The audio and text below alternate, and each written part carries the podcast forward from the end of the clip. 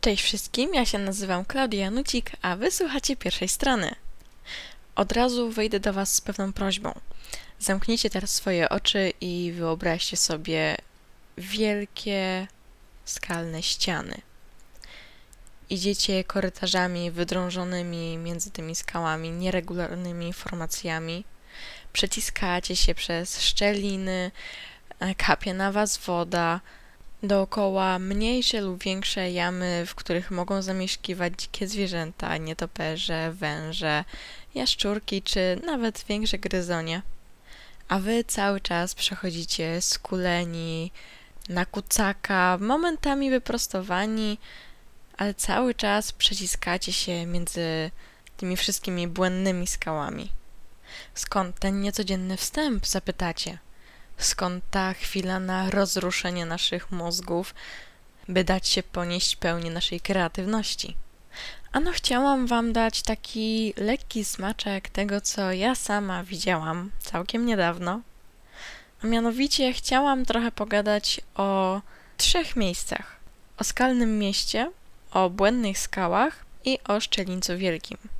Dwa z tych trzech miejsc znajdują się u nas w Polsce, w Górach Stołowych. Skalne miasto natomiast jest również całkiem blisko, tuż za naszą granicą z Czechami. Idąc bardziej po kolei, moimi śladami, przybliżę Wam trochę, jak wyglądają te miejsca. Błędne skały to naprawdę obłędne formacje skalne. Dosłownie trzeba się przeciskać między bardzo małymi szczelinami, Skały to nie są same proste ściany, tylko powyginane w wszelakie strony. Przejścia każą nam, przeciskającym się, zwiedzającym, formować w tak samo obłędne i dziwne kształty, żeby zdołać jakoś przejść między nimi. Co prawda, samo, sama trasa nie jest jakaś bardzo długa, ale jest naprawdę warta zobaczenia. Tyle, ile śmiechu było przy przyciskaniu się, szczególnie kiedy idzie z wami trochę większa osoba, która momentami ma naprawdę duży problem z przejściem. No ja akurat jako osoba niska i drobna nie miałam raczej problemu z przejściem, ale momentami naprawdę trzeba było się zgiąć w pół, czy wręcz iść na czworaka, żeby udało się jakoś przejść. Co prawda podłoże było bardzo fajnie przygotowane, bo cały czas idzie się po deskach ułożonych kawałek nad ziemią, Także no, nas akurat złapał lekki deszczyk podczas zwiedzenia, także nawet w momentach, kiedy po ziemi pływała woda, nas nawet nie dotykała, bo te deski były na tyle wysoko ziemi, że no nie było jak zamoczyć nóg. Kolejnym przystankiem, chociaż akurat przystanek jest tu bardzo nietrafiony sformułowaniem, jest y, Szczeliniec Wielki. Dlaczego to sformułowanie jest takie nietrafione? Ano dlatego, że żeby dostać się na, na ten szczeliniec, trzeba było najpierw 40 minut wchodzić na samą górę. Co prawda, faktycznie wchodziło się po przygotowanych wcześniej schodach, ale wchodźcie po tych schodach 40 minut. Moi rodzice złapali no chyba ze trzy przystanki, chociaż no nie jestem pewna, bo wyprułam daleko przed nich razem z siostrą. Ale powiem wam, że wchodzenie po takich schodach, w takim, w takim otoczeniu, z takimi widokami jest naprawdę samą przyjemnością. Dookoła nas rozrastały się lasy, a w nich masa pięknych skał. E, co jakiś czas trafiało się na takie troszeczkę większe miejsce, czy to na odpoczynek, czy to na właśnie podziwianie tego piękna natury. No ja akurat y, oczywiście z każdego takiego miejsca korzystałam. Nie tyle dla odpoczynku, ile po prostu dla pooglądania jak największej możliwej ilości tej natury. Przykładowo, był taki moment, e, kiedy tuż obok e, tej trasy prowadzącej na górę było takie, no, nie, nawet nie takie wąskie przejście na lewą stronę. No i ja oczywiście widząc takie przejście, no trzeba to sprawdzić. Okazało się, że to przejście prowadziło do trzech takich mniej więcej kulistych skał, opartych jedna na drugiej. Trzy skały oparte jedna na drugiej. Na nich leżała jeszcze kolejna skała, a pod nimi tworzyła się taka mini jaskinia. Oczywiście była całkowicie prześwietlona, bo przez szczeliny między tymi skałami wpadało, wpadała masa słońca, ale sam widok tej jaskinki, w ogóle zaraz w głowie pojawiała się myśl, że Boże, to się zaraz przecież zawali na głowę. Bo autentycznie niektóre te skały, które mijałam, pod którymi przechodziłam, czy to właśnie w błędnych skałach, czy to właśnie w tym szczelińcu, autentycznie wyglądały tak, jakby zaraz w każdej chwili mogły spaść, bo dosłownie opierały się tylko na poniższej skale. No ale wracając, jak już się wlazło na tą górę po tych 40 minutach, po tych kilku możliwych miejscach do odpoczynku i po naoglądaniu się pięknych skał, weszło się na samą górę, gdzie znowu czekała droga powrotna.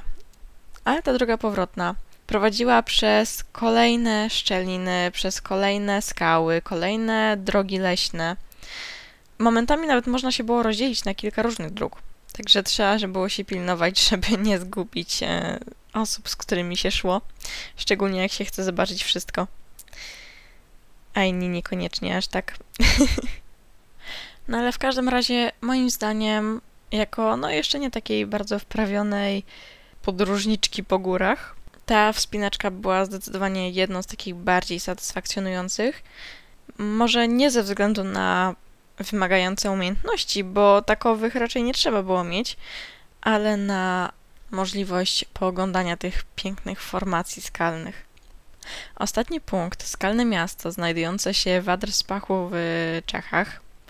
No na początku jak się wchodzi, widzimy przepiękne, takie turkusowe jezioro otoczone mega wysokimi skałami, lasem. Widok przepiękny.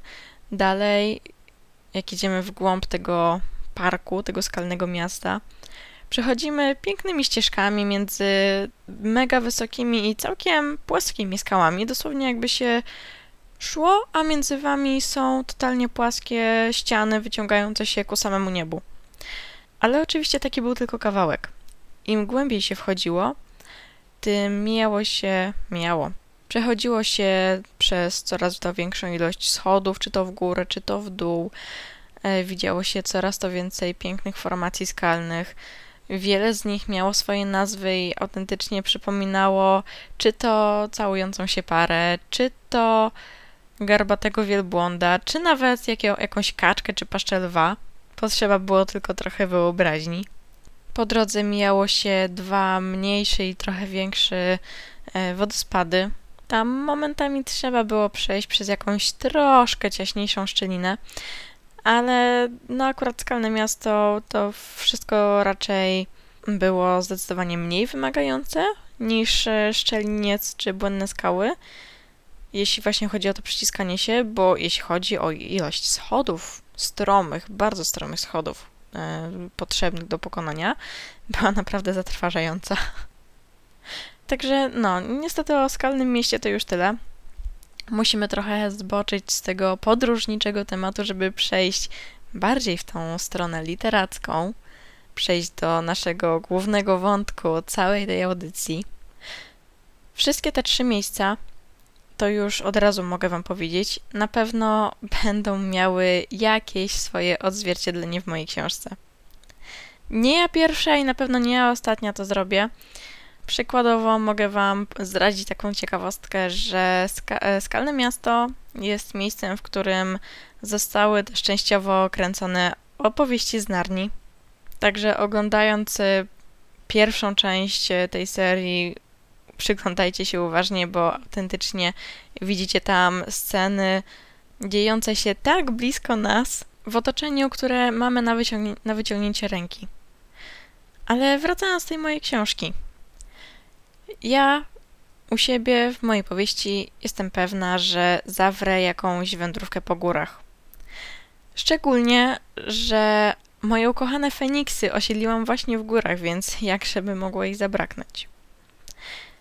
Zobaczenie tych miejsc z pewnością bardzo w tym pomoże.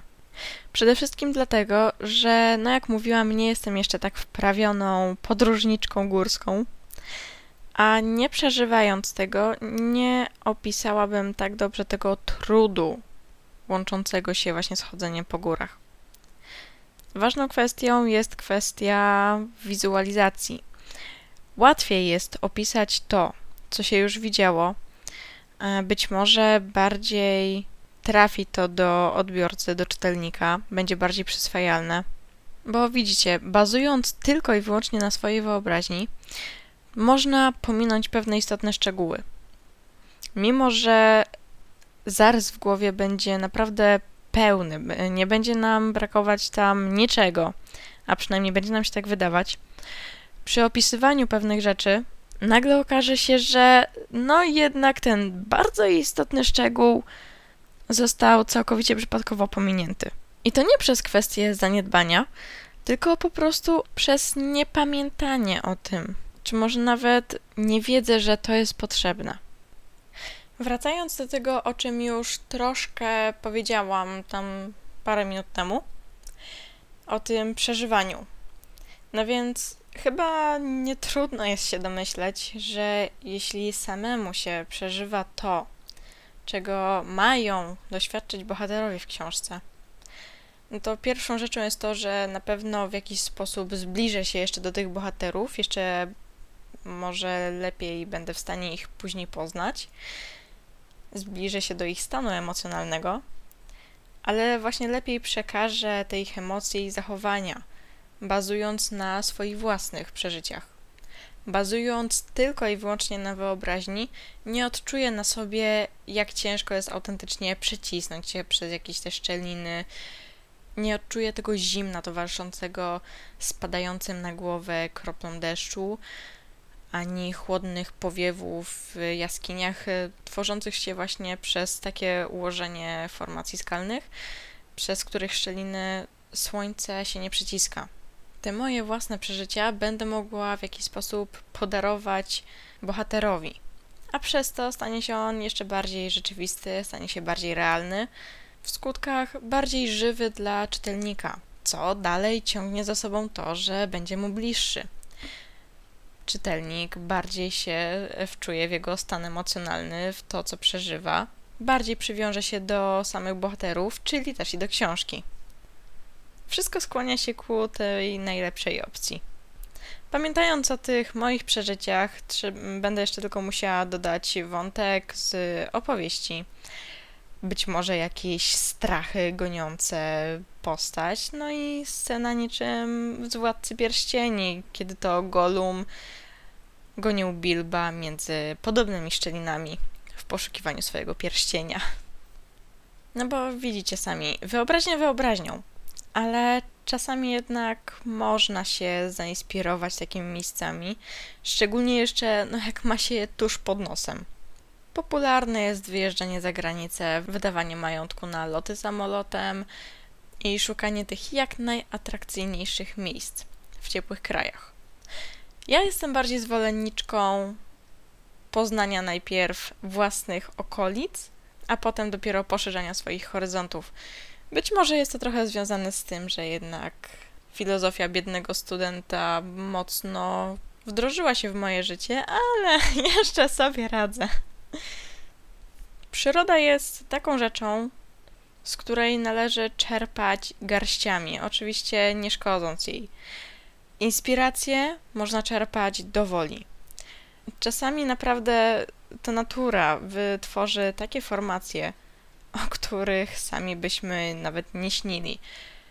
Ile razy jest tak, że podziwiacie jakiś widok i szczęka opada wam do samej ziemi i nie możecie uwierzyć w to, co sami widzicie nikt sobie nie wymyśli tak pięknych rzeczy, jakie zagwarantuje Wam właśnie przyroda na każdym kroku.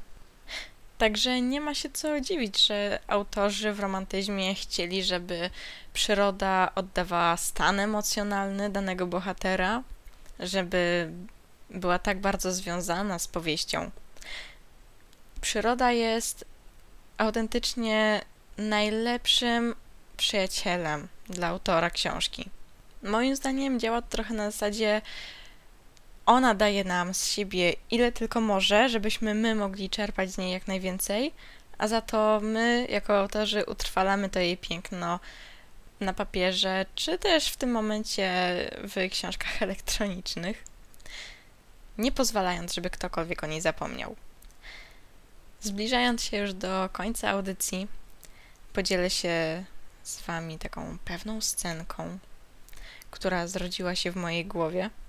Znowu poproszę Was o przymknięcie swoich oczu i wyobraźcie sobie postać Diany, krążącej między skałami, między tymi błędnymi, falistymi skałami.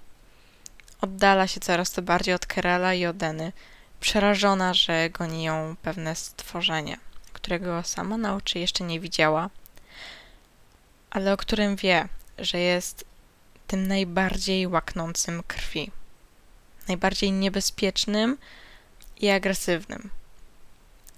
Między szczelinami dostrzega w końcu błyszczące oczy. Pada na ziemię, myśląc, że to już jest jej koniec. Wtedy nagle ciepły podmuch prowadzi ją, dzieląc się natchnieniem i dając nadzieję. Okazuje się, że ten ciepły podmuch poprowadzi ją prosto do wyjścia. Pozostaje tylko teraz zadać pewne pytanie. Co to były za świecące oczy? Do kogo należały? Czy były to oczy ciepłe, świecące przyjaznym, żółtym, ognistym kolorem? Czy może raczej zimne, koloru zmrożonego lodu, przez które nie przenikną żadne ciepłe emocje? Z tym właśnie pytaniem mogę Was zostawić. Mam nadzieję, że troszeczkę, przynajmniej w minimalnym stopniu Was zaintrygowałam a przynajmniej pozostawiłam jakieś miejsce w Waszej głowie na rozmyślenia nad tym. Ja Wam bardzo dziękuję za wysłuchanie tej audycji. Oczywiście, jak zawsze, bawiłam się przy tym świetnie. Mam nadzieję, że Wy również. No i słyszymy się w kolejnej za tydzień. Cześć!